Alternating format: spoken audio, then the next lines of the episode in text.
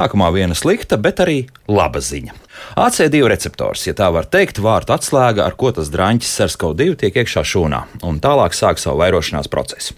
Lieki piebilst, ka šobrīd ir iztērēta milzu līdzekļu un cilvēku resursi, lai šo receptoru, es teikšu, neutralizētu un koronavīrusu smailē neļautu pieķerties šūnai. Bet Vašingtonas Universitātes medicīnas skolas zinātnieki atklājuši, ka pastāv vīrusu mutācija, kam šis receptors nav vajadzīgs. Un trakākais ir tas, ka pagaidām nav skaidrs, kā tieši vīruss inficē cilvēku plaušu šūnu. Visdrīzākais tiks izmantots kāds cits receptors. Bet tā arī labā ziņa. Kopumā cilvēka antivielas un asins serumi bija efektīvi pret šo vīrusu mutāciju, bet jautājumi tāpat joprojām paliek. Šodien arī varēsim uzdot speciālistiem jautājumus gan par citām SARS-CoV-2 mutācijām raidījumā, kā labāk dzīvot. Iveta Zvejniec pie studijas pulca, Loreta Bērziņa raidījuma producenta un es Elvis Jansons šeit studijā. Esiet sveicināti! Nepamat sajūta, ka, lai ko zinātnieki un mediķi nedarītu, SARS-CoV-2 vienmēr ir visiem priekšā par soli vai pat diviem. Ko mēs zinām par vīrusu delta un delta plus mutācijām un kā tas ietekmē vai ietekmēs vakcināciju pret covid-19 par to šodien raidījumā. Esmu sazinājies ar Rīgas Tradiņu Universitātes profesoru, bioloģijas un mikrobioloģijas katedras vadītāju Jutu Kroču. Profesoru, labdien! Labdien! Un ģimenes ārstu, lauku ģimenes ārstu asociācijas pārstāvi Ainu Zalbu. Ainu sveicināti! Sveiki! Profesor, tiešām pārsteidz tas, ka vīrus ļoti veiksmīgi mutē, un mums nepārtraukti jāsaskars ar tām mutācijām, ko, ar kurām tās vakcīnas vai nu darbojas, vai nedarbojas. Par to runāsim nedaudz vēlāk. Bet varbūt mēģināsim salīdzināt ar kādu citu, nu, nezinu, kaut vai to pašu gripas vīrusu. Tas mutē tieši tāpat, vai tomēr ir kaut kādas atšķirības? Nu, redziet, šeit ir atkal kārtējais pierādījums, ka daba tomēr ir spēcīgāka par mums. Un, lai kā mums liktos, lai ir cilvēku grupa, kuriem liekas, ka vīrus ir uh, mazāk nozīmīgs, mēs esam radības kronis, tas vēlreiz pārliecina par to, ka tā diemžēl nav. Un mums ir jāizturās pret šo vīrusu ar ārkārtīgi lielu pietāti.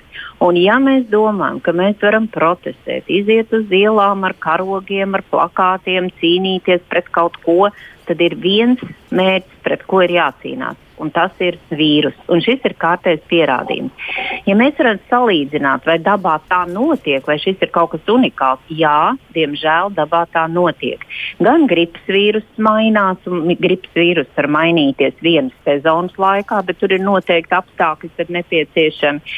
Bet es gribētu salīdzināt, nu, piemēram, ar baktērijām. Mēs visi uzskatījām 40. gados, kad parādījās pirmās antibiotikas urā, mēs esam pieveikuši visas bakteriālās infekcijas. Ir antibiotikas, mēs ražojam, viss notiks, viss tiks glābts. Diemžēl, ja mēs kaut ko radām, paiet, nu tagad jau ir zināms apmēram pāris mēneši, gads, varbūt dažos gadījumos pat neilgāks laiks. Un baktērija apmāna atkal šo antibiotiku un kļūst rezistenta un mēs nevaram glābt cilvēkus. Ir ļoti daudz cilvēku, kas mirst katru gadu. Miljoni mirst no rezistentām uh, baktēriju formām. Viņas vienkārši apiet šos visus uh, mehānismus, ar uh, kādiem iedarbojas antibiotikas.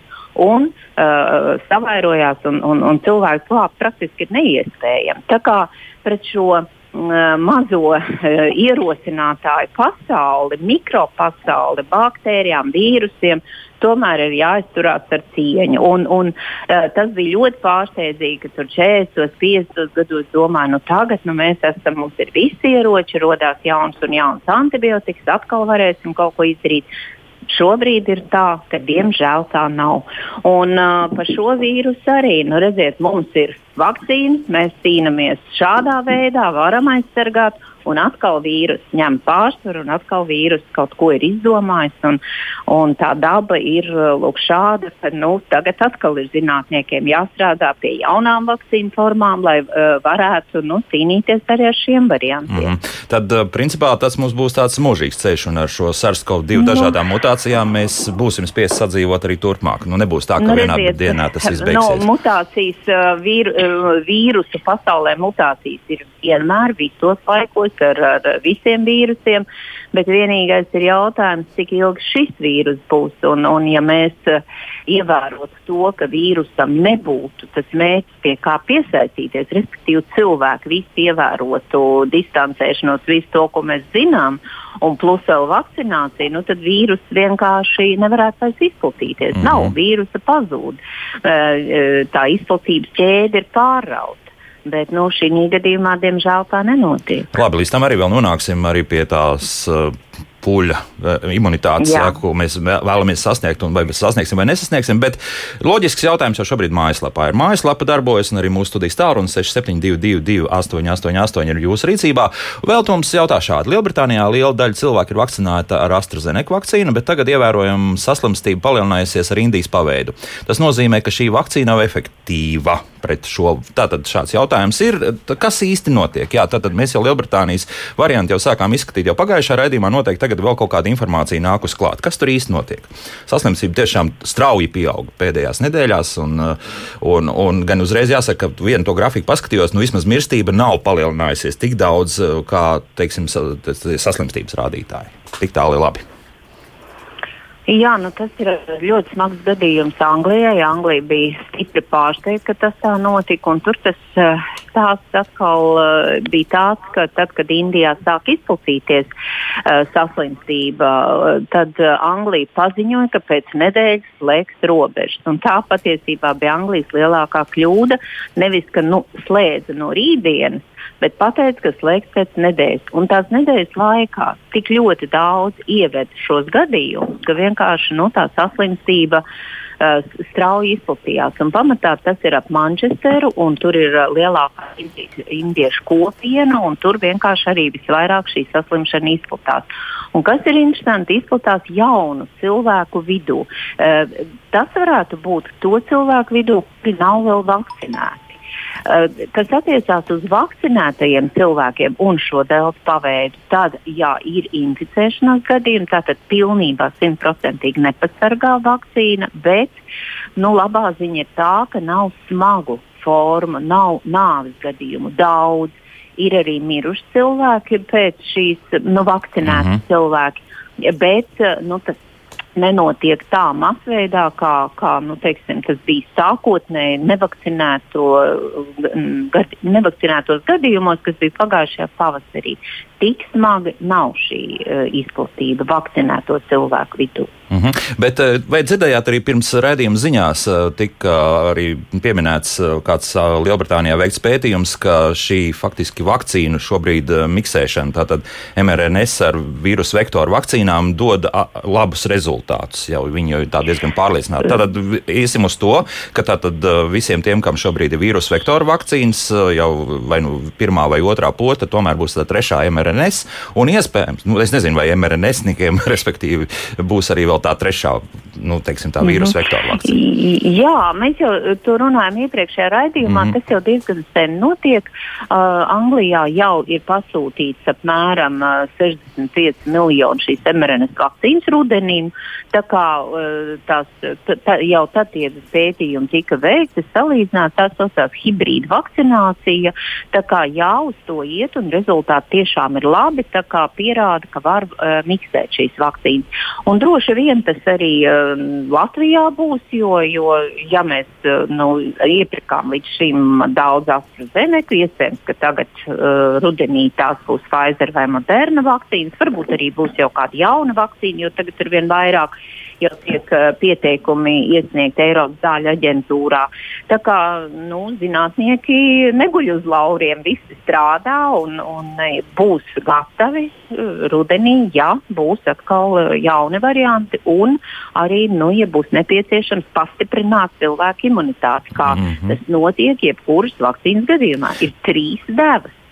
Un to mēs jau vairākas reizes esam runājuši, ka nevajag no tā, tā taisīt kaut kādu traģēdiju, vai redziet, mums liks vakcinēties trešo reizi. Tā norma trīs tēvas, lai būtu stabila imunitāte uz ilgāku laiku. Mm -hmm. nu, Lūdzu, mums jau mājaslapā jautā, kas rādītājs ir šī novērtējuma pamatā - nesaslimšana, antivielas, citu laboratoriju izmeklējumu. Profesori, ļoti iespējams, ka jūs vēl neesat iepazinusies jā, ar šo konkrēto pētījumu. Jā, jā. Nu, tas ir tas ir viss komplekss, jo redziet, to veids ne tikai uzraudzību, šo monitorēšanu, par ko mēs jau sen esam runājuši. Eiropas zāļu aģentūra, Pasaules veselības organizācija un bez šaubām paši vakcīnu ražotāji. Un tas ir komplekss uh, uh, kompleks skatījums uz, uz lietu, jo mēs vienmēr esam runājuši to, ka antivielas vienas pašas nenosaka imunitāti. Un nav būtiski, ka mēs tagad tikai antivielas un teiksim, nu sāk kristies antivielu līmenis. Tā ir šūnu imunitāte, tas, tā ir tā kopējā cilvēka aizsardzība. Arī uh, skaitļi, uh, arī rādītāji par to liecina, nu, vai cilvēki sāk saslimt, kas bija vakcinēti vai nē. Tā kā tā uzraudzība ir ļoti kompleksa. Mm -hmm. Vai mūsu sagaidīja radioklausītājs? Lūdzu!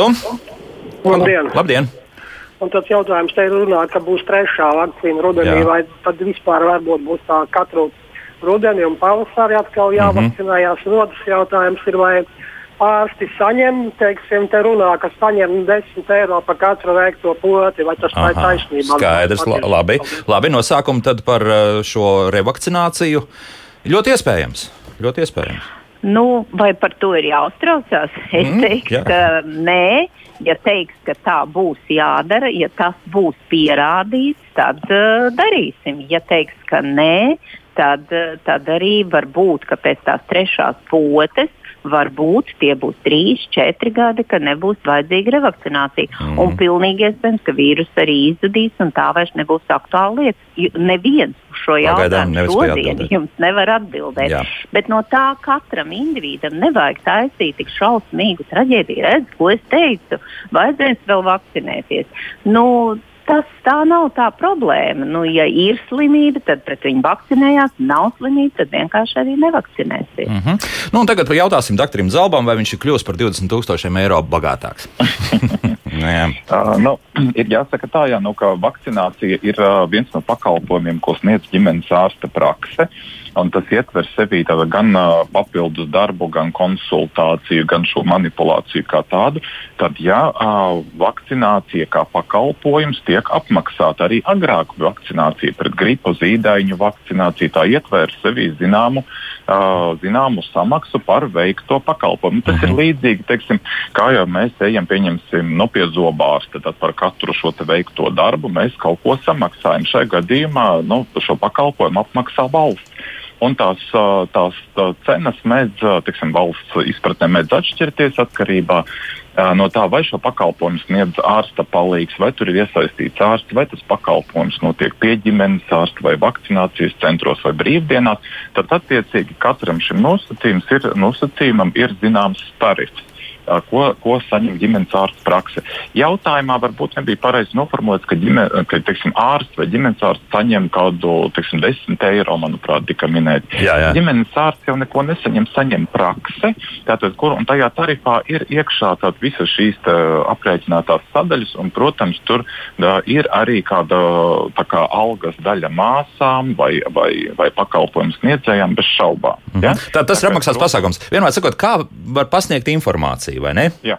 Nu jā, šeit Jā, ir tas stāsts. Jā, lūk, jūs redzat, viņiem speciāli vajag piemaksāt 10 eiro, un tāpēc viņi ir ieinteresēti visus vakcinēt. Nu, tā mēs arī varam pasniegt šo visu Nu, arī informāciju. tā Jā. paskatīties. Bet pēc būtības, jā, nu, tur, tur tātad, šie tarifi, kas ir izveido, ko izveido Nacionālais veselības dienests, ietver sevi daudz un dažādas pozīcijas, un tad kopējā, teiksim, kaut kādas izmaksas tiek sektas nodrošināt šo pakalpojumu. Mm. Taču es jau pavisam īsi gribēju vēl arī iesaistīties jūsu iepriekšējā interesantajā Jā. diskusijā un padalīties ar to informāciju, ko es varbūt tā kā, kā ģimenes ārsts atradu un, un, un izmantoju savā ikdienas darbā.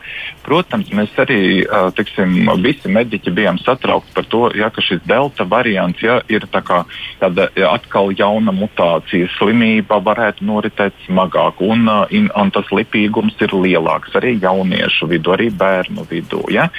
Bet tas arī kāda, kādi ir šie secinājumi no Lielbritānijas šobrīd ienākuši. Viņi runā par to, ka ja saslimstības pieaugums tika novērots, taču uh, saslima salīdzinoši vieglām formām tie iedzīvotāji, kuri bija saņēmuši vienu vakcinācijas devu. Jo Lielbritānijā viņi pielieto mazliet savādāku kalendāru un stratēģiju. Viņi ir izvēlējušies, ka neatkarīgi kāda vakcīna, vai tā ir AstraZeneca vakcīna vai mRNS vakcīna, revakcinācija ir pēc krietni ilga laika perioda pat pēc trīs mēnešiem. Un tātad tādēļ arī tika konstatēts, ka viena deva, lai tā būtu uh, Pfizer, Moderna vai Astra, īsti nepasargā. Taču, ja pacients, klients ir saņēmis divas devas, tad šis saslimstības pieaugums netika novērots tik būtisks. Jā, būtisks, jā, tas šeit jāņem vērā, jā, būtisks. Jā. Darbojās, mm -hmm. bet jābūt nu, pilnībā vakcinētam. Jā? Jā. Un runājot par trešo devu, nu šobrīd tāda ģimenes medicīna nav mums tādas informācijas, ka būtu vajadzīga kādam trešā deva. Ir zināmas varbūt tādas idejas, jā, ka teiksim, pacientiem gados vai onkoloģiskiem pacientiem, tātad īpaši augsta riska grupas pacientiem, kuram šīs antivielas varbūt nav izveidojušās pietiekamā apjomā, varētu domāt par kādu papildus devu tuvākā nākotnē, bet mm -hmm. šobrīd tās vairāk ir ideju līmenī un tādu praktisku rekomendāciju, ka būtu tūlīt mums jāgatavojās. Vēl pagaidām nav, šobrīd nav. Vēl nav. Jo, piemēram, mūsu radioklausītāji vēl jau jautā, vai uz trešo devu rudenī būs jāpiesakās. Pagaidām gaidām informāciju, jā, vai, vai vispār tas būs nepieciešams. Bet arī tik, cik man sanāca arī paskatīties un uh, palasīt uh, vairāk gan bija par mRNS vakcīnām. Mm -hmm. Ja mums nenāks klāt gluži tādas super jaunas mutācijas, tad ar vislielāko varbūtību ar šīm devām, divām devām pietiks pietiekami ilgam laikam. Nu, un, attiecīgi, vīrusu vektors tomēr pasargā drusku mazāk, tad iespējams, ka tomēr to mRNS vismaz vienu vajadzēs. Jā, nu, profesor, tā, tā, jā. Arī, tā, tas arī šobrīd tāds jā, kā variants varētu bez šaubām būt, bet arī šobrīd nu, nav tādu, teiksim, tādu pārliecinošu datu, ka tas būtu jādara. Jā. Mums ir jāsaprot, jā, ka šim vīrusu vektora vakcīnām jā, uh, ir varbūt iespēja uh, teiksim, inficēties un saslimt ar vieglu slimības gaitu, nu, salīdzinot ar RNS vakcīnām, varētu varbūt būt lielāk, bet taču arī, arī tas galvenais uzdevums, kad arī šīs uh, vīrusu vektora vakcīnas vakcīnas ļoti labi pasargā ja, no smagām slimības formām, no hospitalizācijas un no mirstības. Nu, jā, tas ir būtiski. COVID-19 infekcijas. Mm -hmm. Jā, vai mūs sagaidīja radioklausītājs, lūdzu? Halo! Nu, nē, laikam, diemžēl, jā, studijas telefons šobrīd brīvs, bet es palasīšu arī to, kas mājaslapā ir rakstīts. Un, nu, interesanti jautājumi. Um, piemēram, Agnēs jautāja, ja antivielas nav galvenais noteikums aizsardzībai, tad kā reāli sev pārbaudīt, vai man ir imunitāte pret covid, kādas analīzes jāveic? Profesori, jūs esat vienmēr skeptiski par to šādu analīžu veikšanu. Nu, nu, bet, ja cilvēks grib tomēr pārbaudīt. Nē, nu, cilvēks sevi. var šobrīd pārbaudīt antivielas, Jā. un tad es iesaku aiziet, ja tiešām ir tā, ka nu, pilnīgi nevar iztikt bez sevis pārbaudīšanas, tad pārbaudīt tās antivielas, kas veidojas pēc uh, vakcinācijas. Tātad uh, pret šo S proteīnu. Savukārt pārslimošiem cilvēkiem ir jātaisa pilnīgi cita reakcija. Un, un redziet, šeit ir tas, ka cilvēks īsti uh, varbūt nepasaka, ko viņš grib pārbaudīt, un tad iznāk tie pārpratumi. Ja? Tātad pēc pārslimošanas parādīsies visas antivielas, ko, kas ir veidojušās pret vīrusu struktūrām, ne tikai šīs S antivielas un tas cipars var būt ievērojami augstāks, bet tas ir mānīgs, tāpēc ka tur ir ļoti daudz lieko antivielu, tādu, kuras nepasargā no vīrusu neutralizācijas. Bet svarīgs jau ir tieši tās S antivielas pret to mhm. S proteīnu, un tās veidojās pēc vakcinācijas. Tātad to var pārbaudīt. Ar šūnu imunitāti ir tā, ka to veids zinātnes pētnieciskās laboratorijās, to veids uh, nu, vakcīnu ražotāji klīniskajā pētījumā, bet tāda plaša pie, nu, teiksim, izmantošana vēl nav. Uh, iespējami, lai cilvēks aiziet, nu, es gribu tagad pārbaudīt gan trūnu imunitāti, gan arī vispārējais. Ja cilvēkam ir uh, Eh, nu, eh, nav imūndeficīta, tad viņam nav pamats domāt, ka viņam nestrādā šūnu imunitāte. Tā es gribētu teikt. Bet uh, kopumā, uh, nu, atbildot arī varbūt vēl komentēt iepriekšējo stāstu un vispārējo. Varbūt, mums vajag nomierināties, paļauties uz ārstiem, ģimenes ārstiem strādā. Strādā visas institūcijas, gan Latvijas mērogā, gan Eiropas mērogā, kas to monitorē, uzrauga, dod padomus vajadzēs vakcinēties, nevajadzēs. Uh, tagad ir pienācis laiks, kurai iedzīvotāji grupai, kurai nē. Nu, paļausimies uz speciālistiem, vai kaut kā no tā piet pašam, liek, no tās domas, es personīgi esmu atbildīgs, vai man ir antivils, vai man nav antivils.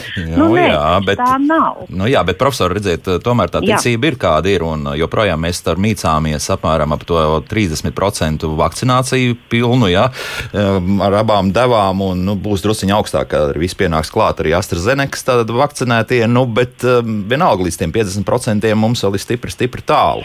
Jā, tas nav tas jautājums. Tā ir tā grupa, ko nu, man ir grūti komentēt, teikt, nu, vai tos mēs varam pārliecināt. Bet es gribētu teikt uz vakcinētiem cilvēkiem. Mm -hmm. Jūs esat vakcinēti, jūs esat saņēmuši abas devas, jūs esat droši. Un par to kāds tiek brīdis, vai tiešām vajadzēs vakcinēties. Tā kā teica Dārts Zalts, gaidām, ja būs tāds signāls, tad to arī darīt. Mm -hmm. Tad, Bet nevajag jā. katram individuāli domāt, nu, kā es sevi varu pārbaudīt, tad trombocītus pārbaudīt, tad vēl dimērus pārbaudīt, tad vēl antivīlus pārbaudīt. Nebūtu jau nu, slikti nu, nu, paskatīties, kas organismā nu, notiek.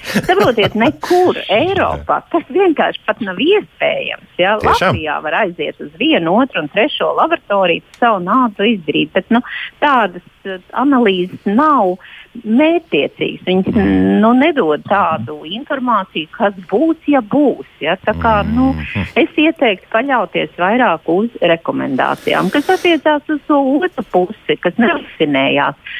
Nu, tur man ir ļoti grūti komentēt, mm, nu, tā, no tāda racionālā viedokļa. Tāpēc, ka uh, nu, man ir iespējas, ka cilvēki nespēja vizualizēt, nespēja iedomāties, ka viņš var būt tā saslimušā un ļoti smagā nāvē aizejošā cilvēkā.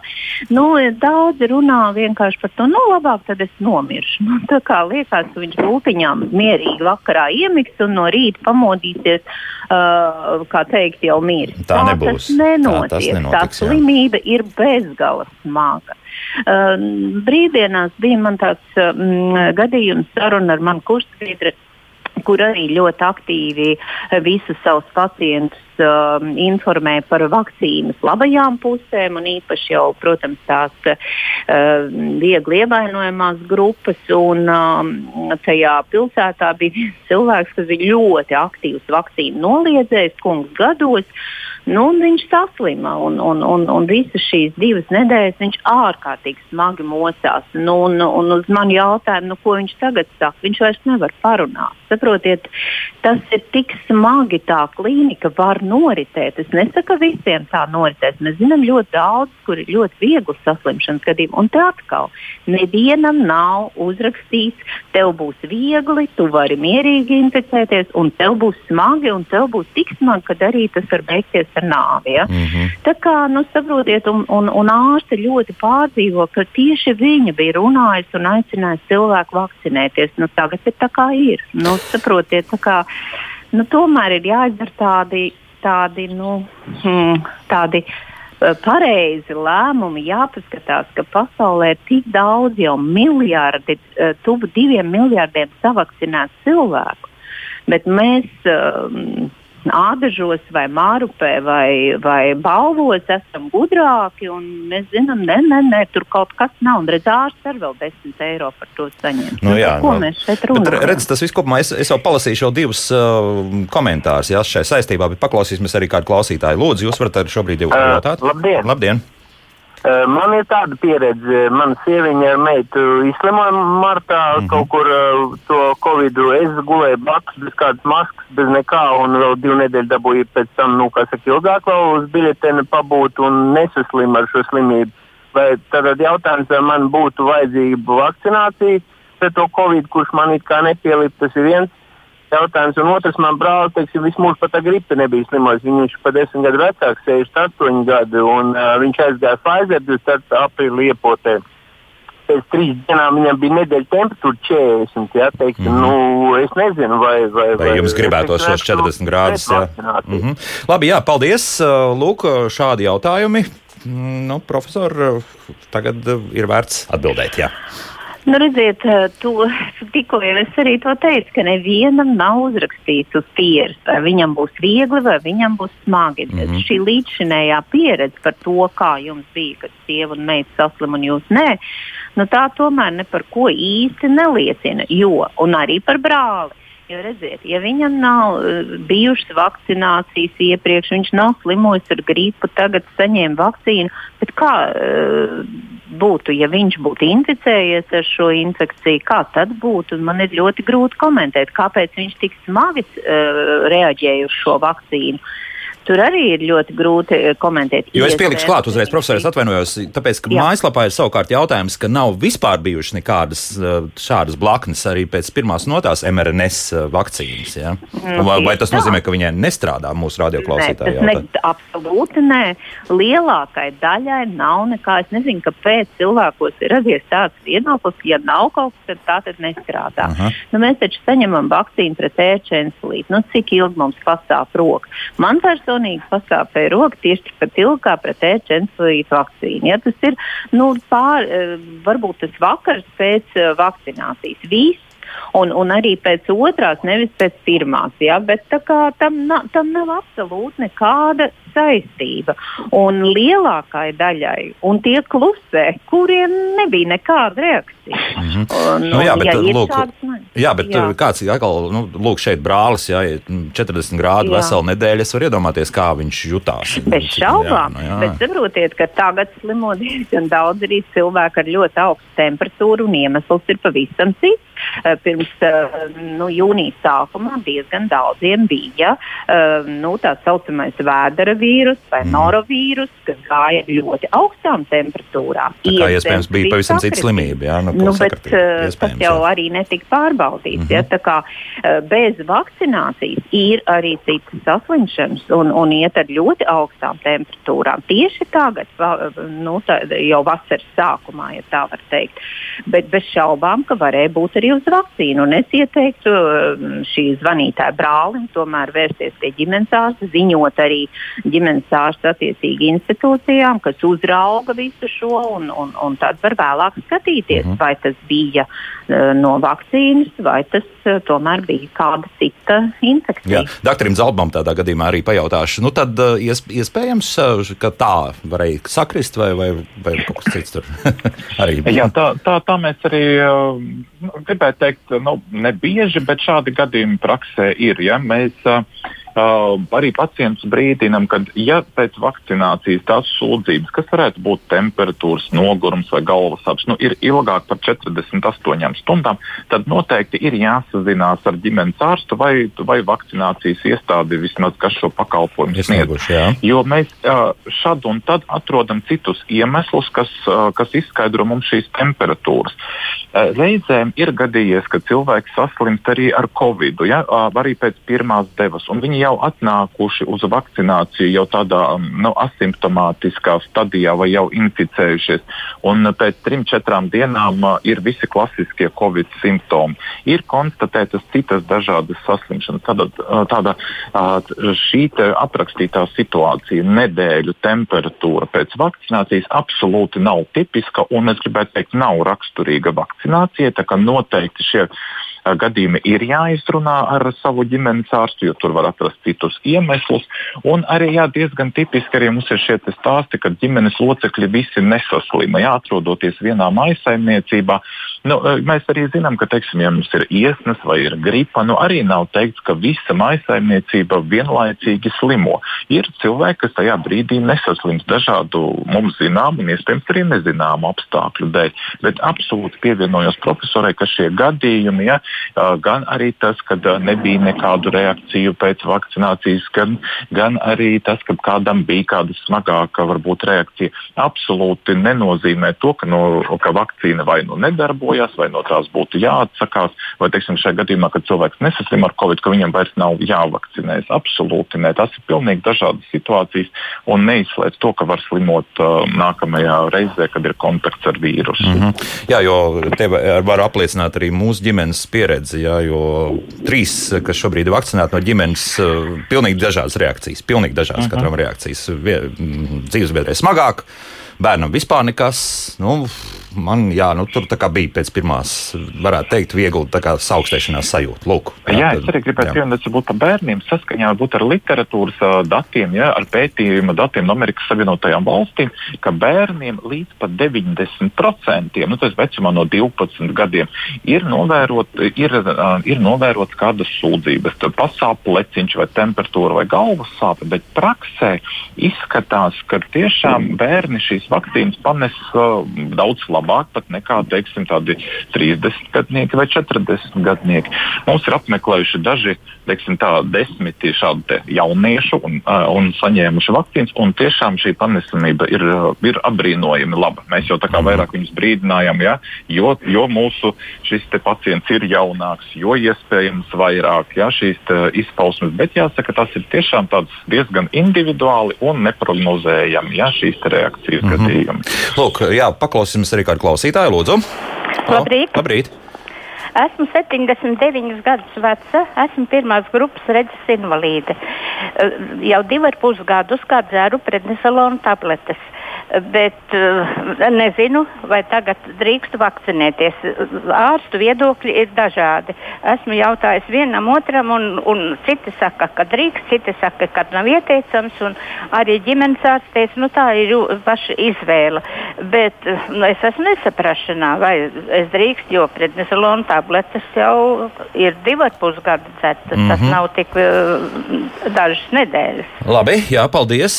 Nu, pro, uh, profesor vai vai, vai, vai, vai doktoram Zalbam nu, ļausim, ka profesors Es varbūt sāc, ja? pajautāšu tā, bet es gribētu, lai, lai patiesībā atbild, atbild doktors Zalbs vai klausītāji ticēs, ja doktors Zalbs teiks kaut ko tagad. Nu, jā, es pieļauju, ja mūsu klausītāji piezvanījusi un, un šādu jautājumu nu, uzdevusi, tad labi, visdrīzākais, ka tas būs tiešām autoritīvs viedoklis šajā gadījumā. Jā. Jāizšķir, jāizšķir šis jautājums, kad uh, būt tai vakcīnai vai nebūt. Viennozīmīgi būt. Un, uh, un ja tā tad nezinu, nezinot neko sīkāk ja, par jūsu varbūt šīm saslimšanām. Bet medikaments prednizolons, tātad tas ir medikaments, tie ir uh, visnotaļ tādi izteikti spēcīgi pretiekaisuma līdzekļi, hormonu preparāti, kuri tiek nozīmēti tādām nu, smagām saslimšanu gadījumos, pieņemsim, reumatoīdā artrīta gadījumos. Mm -hmm. Tātad jau viens fakts, tas, ka pacients lieto šo medikamentu, norāda, uz nopietnām veselības problēmām. Un uh, gribētu apliecināt to, ka prednizolona lietošana vai arī kāda cita medikamenta lietošana nav kontraindikācija vakcinācijai. Tātad šis ir vakcinēties drīkst. Uh, vēl jo vairāk, ja prednizolons ir medikaments, kas ietekmē imūnsistēmu, uh, un uh, viss ir pierādīts, ka uh, tiem cilvēkiem, kuriem nākas lietot uh, šāda tipa medikamentus, vispār Covid infekcija varētu noritēt arī arī smagāk. Līdz ar to tātad, kontraindikācija manā skatījumā vakcinācijai nav. Vēl varētu ko rekomendēt, ja iespējams, varbūt šobrīd siltā laikā, un ja, un ja tas veselības stāvoklis ir labs, varētu vēl domāt, ka ar ģimenes ārstu kopā varētu šo prednizolonu varbūt drusciņi samazināt, ja ir tāda iespēja, un tad veikt vakcināciju. Tādējādi, nu, vismaz teorētiski, mēs varam paredzēt, ka vēl labāk izveidosies antivielas. Taču arī tā tajā gadījumā, ja šo medikamentu atcelt nevar, arī tad var veikt vakcināciju. Lūk, tā. Uh, te vēl vienu klausītāju paklausīsimies, un tad pie mājaslapas nedaudz jālūdzu. Labdien! Labdien.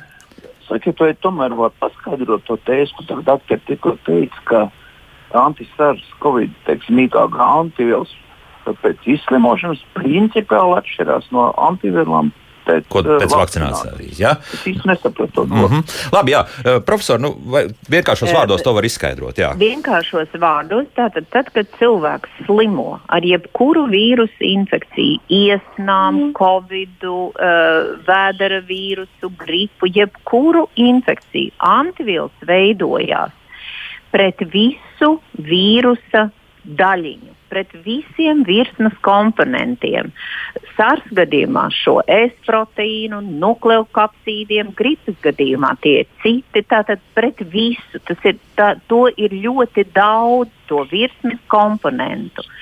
Bet šie daudzie komponenti, viņi nav patiesībā vīrusa, nu, tie, tas ahilē papēdis, tas svarīgais, ar ko vīrus piesaistās. Vīrus piesaistās ar šo S proteīnu. Uh -huh. Un tāpēc svarīgs ir tikai tā viena daļa no antivielām, kuras veidojas pēc pārslimošanas. Tikai tās antivielas, kas uh, nu, infekcijas gadījumā piesaistās pie vīrusa virsmas šiem S proteīniem un vīrusu noneutralizē.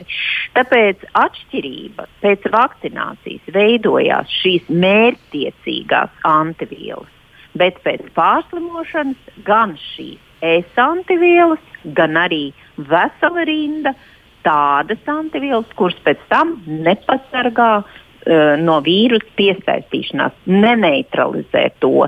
Respektīvi, tā proporcija, kas veido antivielas, kas veidojas pēc vakcinācijas un pēc pārslimošanas, ir daudz lielāka pēc pārslimošanas. Uz to antivielu rēķina, kuras nav svarīgas, kuras nav būtiskas vēlākā aizsardzībā. Tas nozīmē, ka, principā, ja vēlaties pārbaudīt, nu, ja tu esi izslimojis, tad uh, tikai un vienīgi jā. šīs S proteīna, jā, attiecīgi antivielas, jā. jāvajag pārbaudīt. Jā. Vienmēr sakot, es saprotu to, ka ja man ir tāda liela klēts, kurā, pieņemsim, ir dažādi veidi graudi, bet, nu, lai zirgu pabrot, man ir vajadzīgs konkrēti auzas, jā. jā, un ja to auzu ir, tur ir maz, tad, nu. Mm -hmm. Nu, lūk, tā, tā, tās mums jānoņem no viņas. Nav būtiskas aizsardzībā. Nu, viņas veidojas, tā ir lieka bagāža, liekas antivielas. Un pēc pārslimošanas, nu, tie, kas naivi domā, es nevakcinēšos, jo ārpēc kā strādā mūsu imūnā sistēma, tad es varu nomierināt, ka tad, kad mēs slimojam, tad tā imūnā sistēma strādā daudzkārt, simtkārt vairāk un aktīvāk, diemžēl. Un mēs uzgrūžam tai imūnai sistēmai daudz lielāku slogu. Un vakcinējoties, veidosies tikai konkrēti šīs antivielas. Jā. Tagad par tām bažām. Kāpēc rodas dažādas arī sazvērstību teorijas un tā tālāk? Un tā, tālāk. tā mums cirks ir uzrakstījis. Vienreiz jau paļāvāmies uz Pasaules veselības organizācijas speciālistiem ar visām rekomendācijām, un rezultāts pēc gada ir redzams. Proti, tas, kas notika 2020. gada pašā sākumā, kad tiešām šīs rekomendācijas bija stipri, nu, tādas ļoti vieglas. Nu, kaut kā tiks, nu, vispār nepievēršam tikpat kā šim vīrusam uzmanību, pārnest no cilvēku uz cilvēku nav. Nu, tas, tas viss bija. Nu, ir jā, tās versijas par to, ka tur Ķīnas ietekme ir bijusi un ka uz Pasaules, Pasaules veselības organizāciju un ka diezgan apzināti ir šāda informācija nopludināta uz Pasaules veselības organizāciju, ka tas nav bīstams vīrus. Tālāk mēs šo visu redzam. Īsta izmeklēšana vēl joprojām nav beigusies. Kas tur īsti notika tā gada janvārī un apmēram februārī? Profesor, nu, nu lūk, šādi arī rodas tās, tās aizdomas, ka vispārējais arī ir nu, ne, ne, gluži viltus ziņas, jā, kā mēs varam teikt, bet, bet nu, tālākā viss ķēdīte rāda, nu, jā, ka mēs kaut kur ejam ne tur.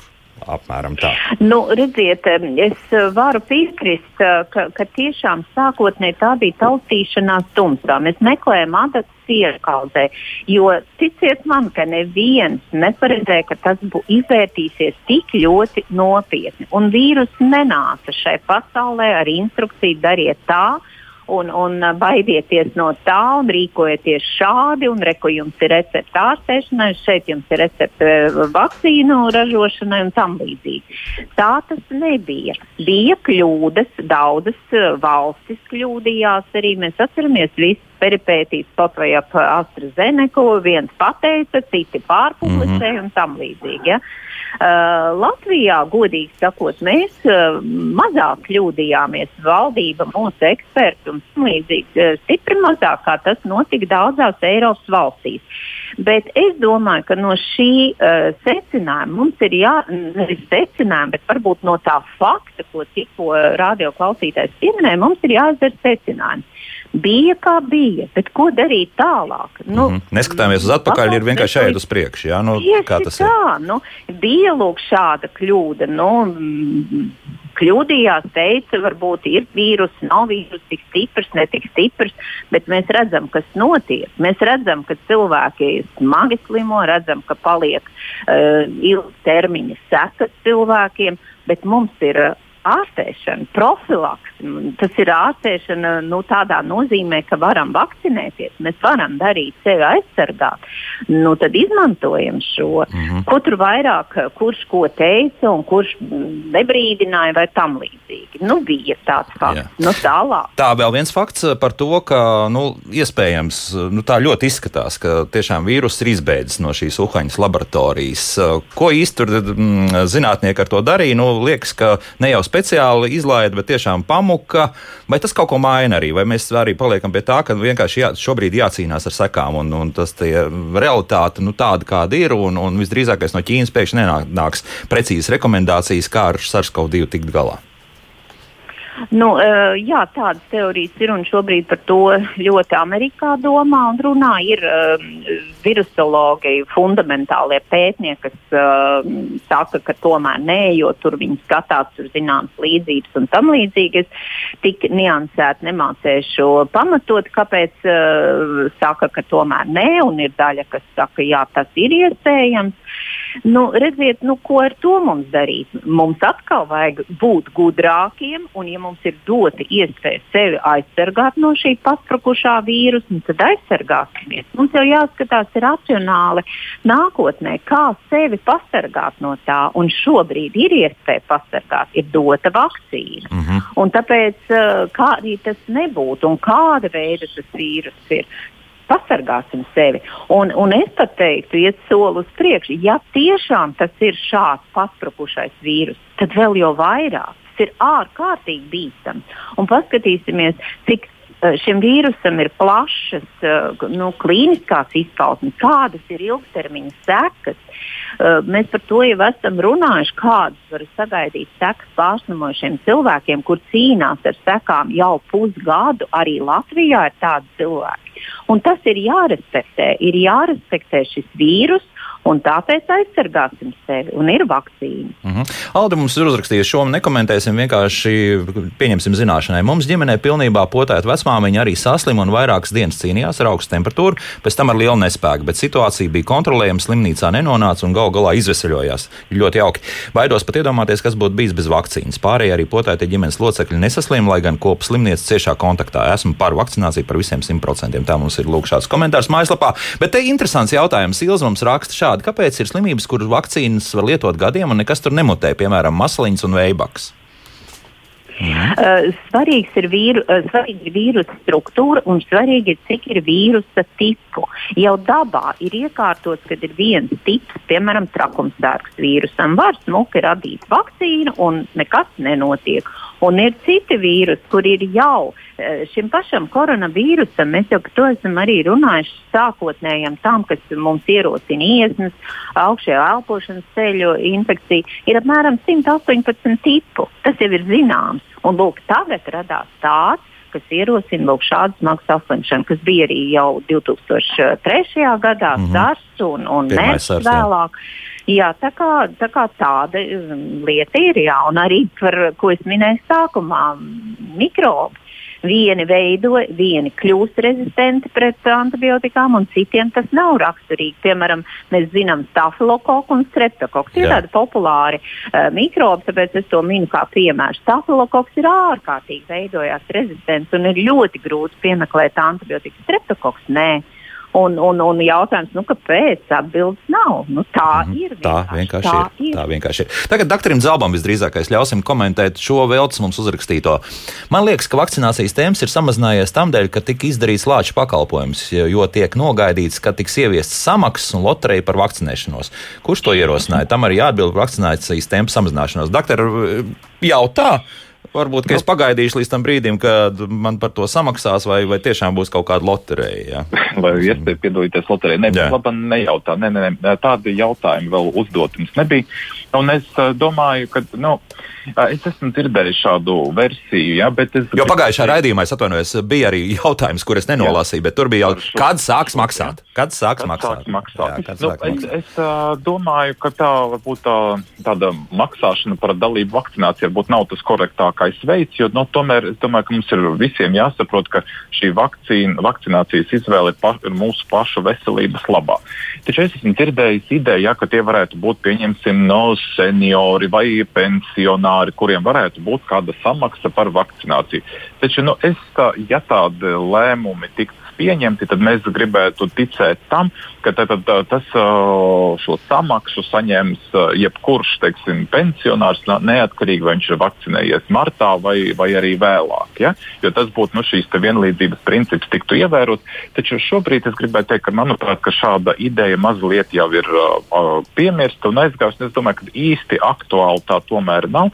Mums tomēr būtu vairāk jāstrādā ar tādu skaidrojošo, izglītojošo un, un motivējošo darbu. Un es domāju, ka tad arī rezultāti neizpaliks. Mm -hmm. nu, Amerikas Savienotās valsts tomēr izvēlējušās. Jā, profesor, jā. jā es gribēju piebilst pie tā, ka nu, mēs redz, runājam tādās matērijās, ja, un es zinu valsts, kur arī ālu piedāvā. Jā, nu, jā tie paši Amerikā, jā, jā, jā tur pat sponsors jā. milzīgs visam ir. Jā, jā tieši tā, bet, bet redziet, ja mēs paskatāmies Anglijā, tur cilvēki saka milzīgi paldies savam veselības aizsardzības sistēmai, ka viņiem bez maksas piedāvā fantastiska aizsardzība.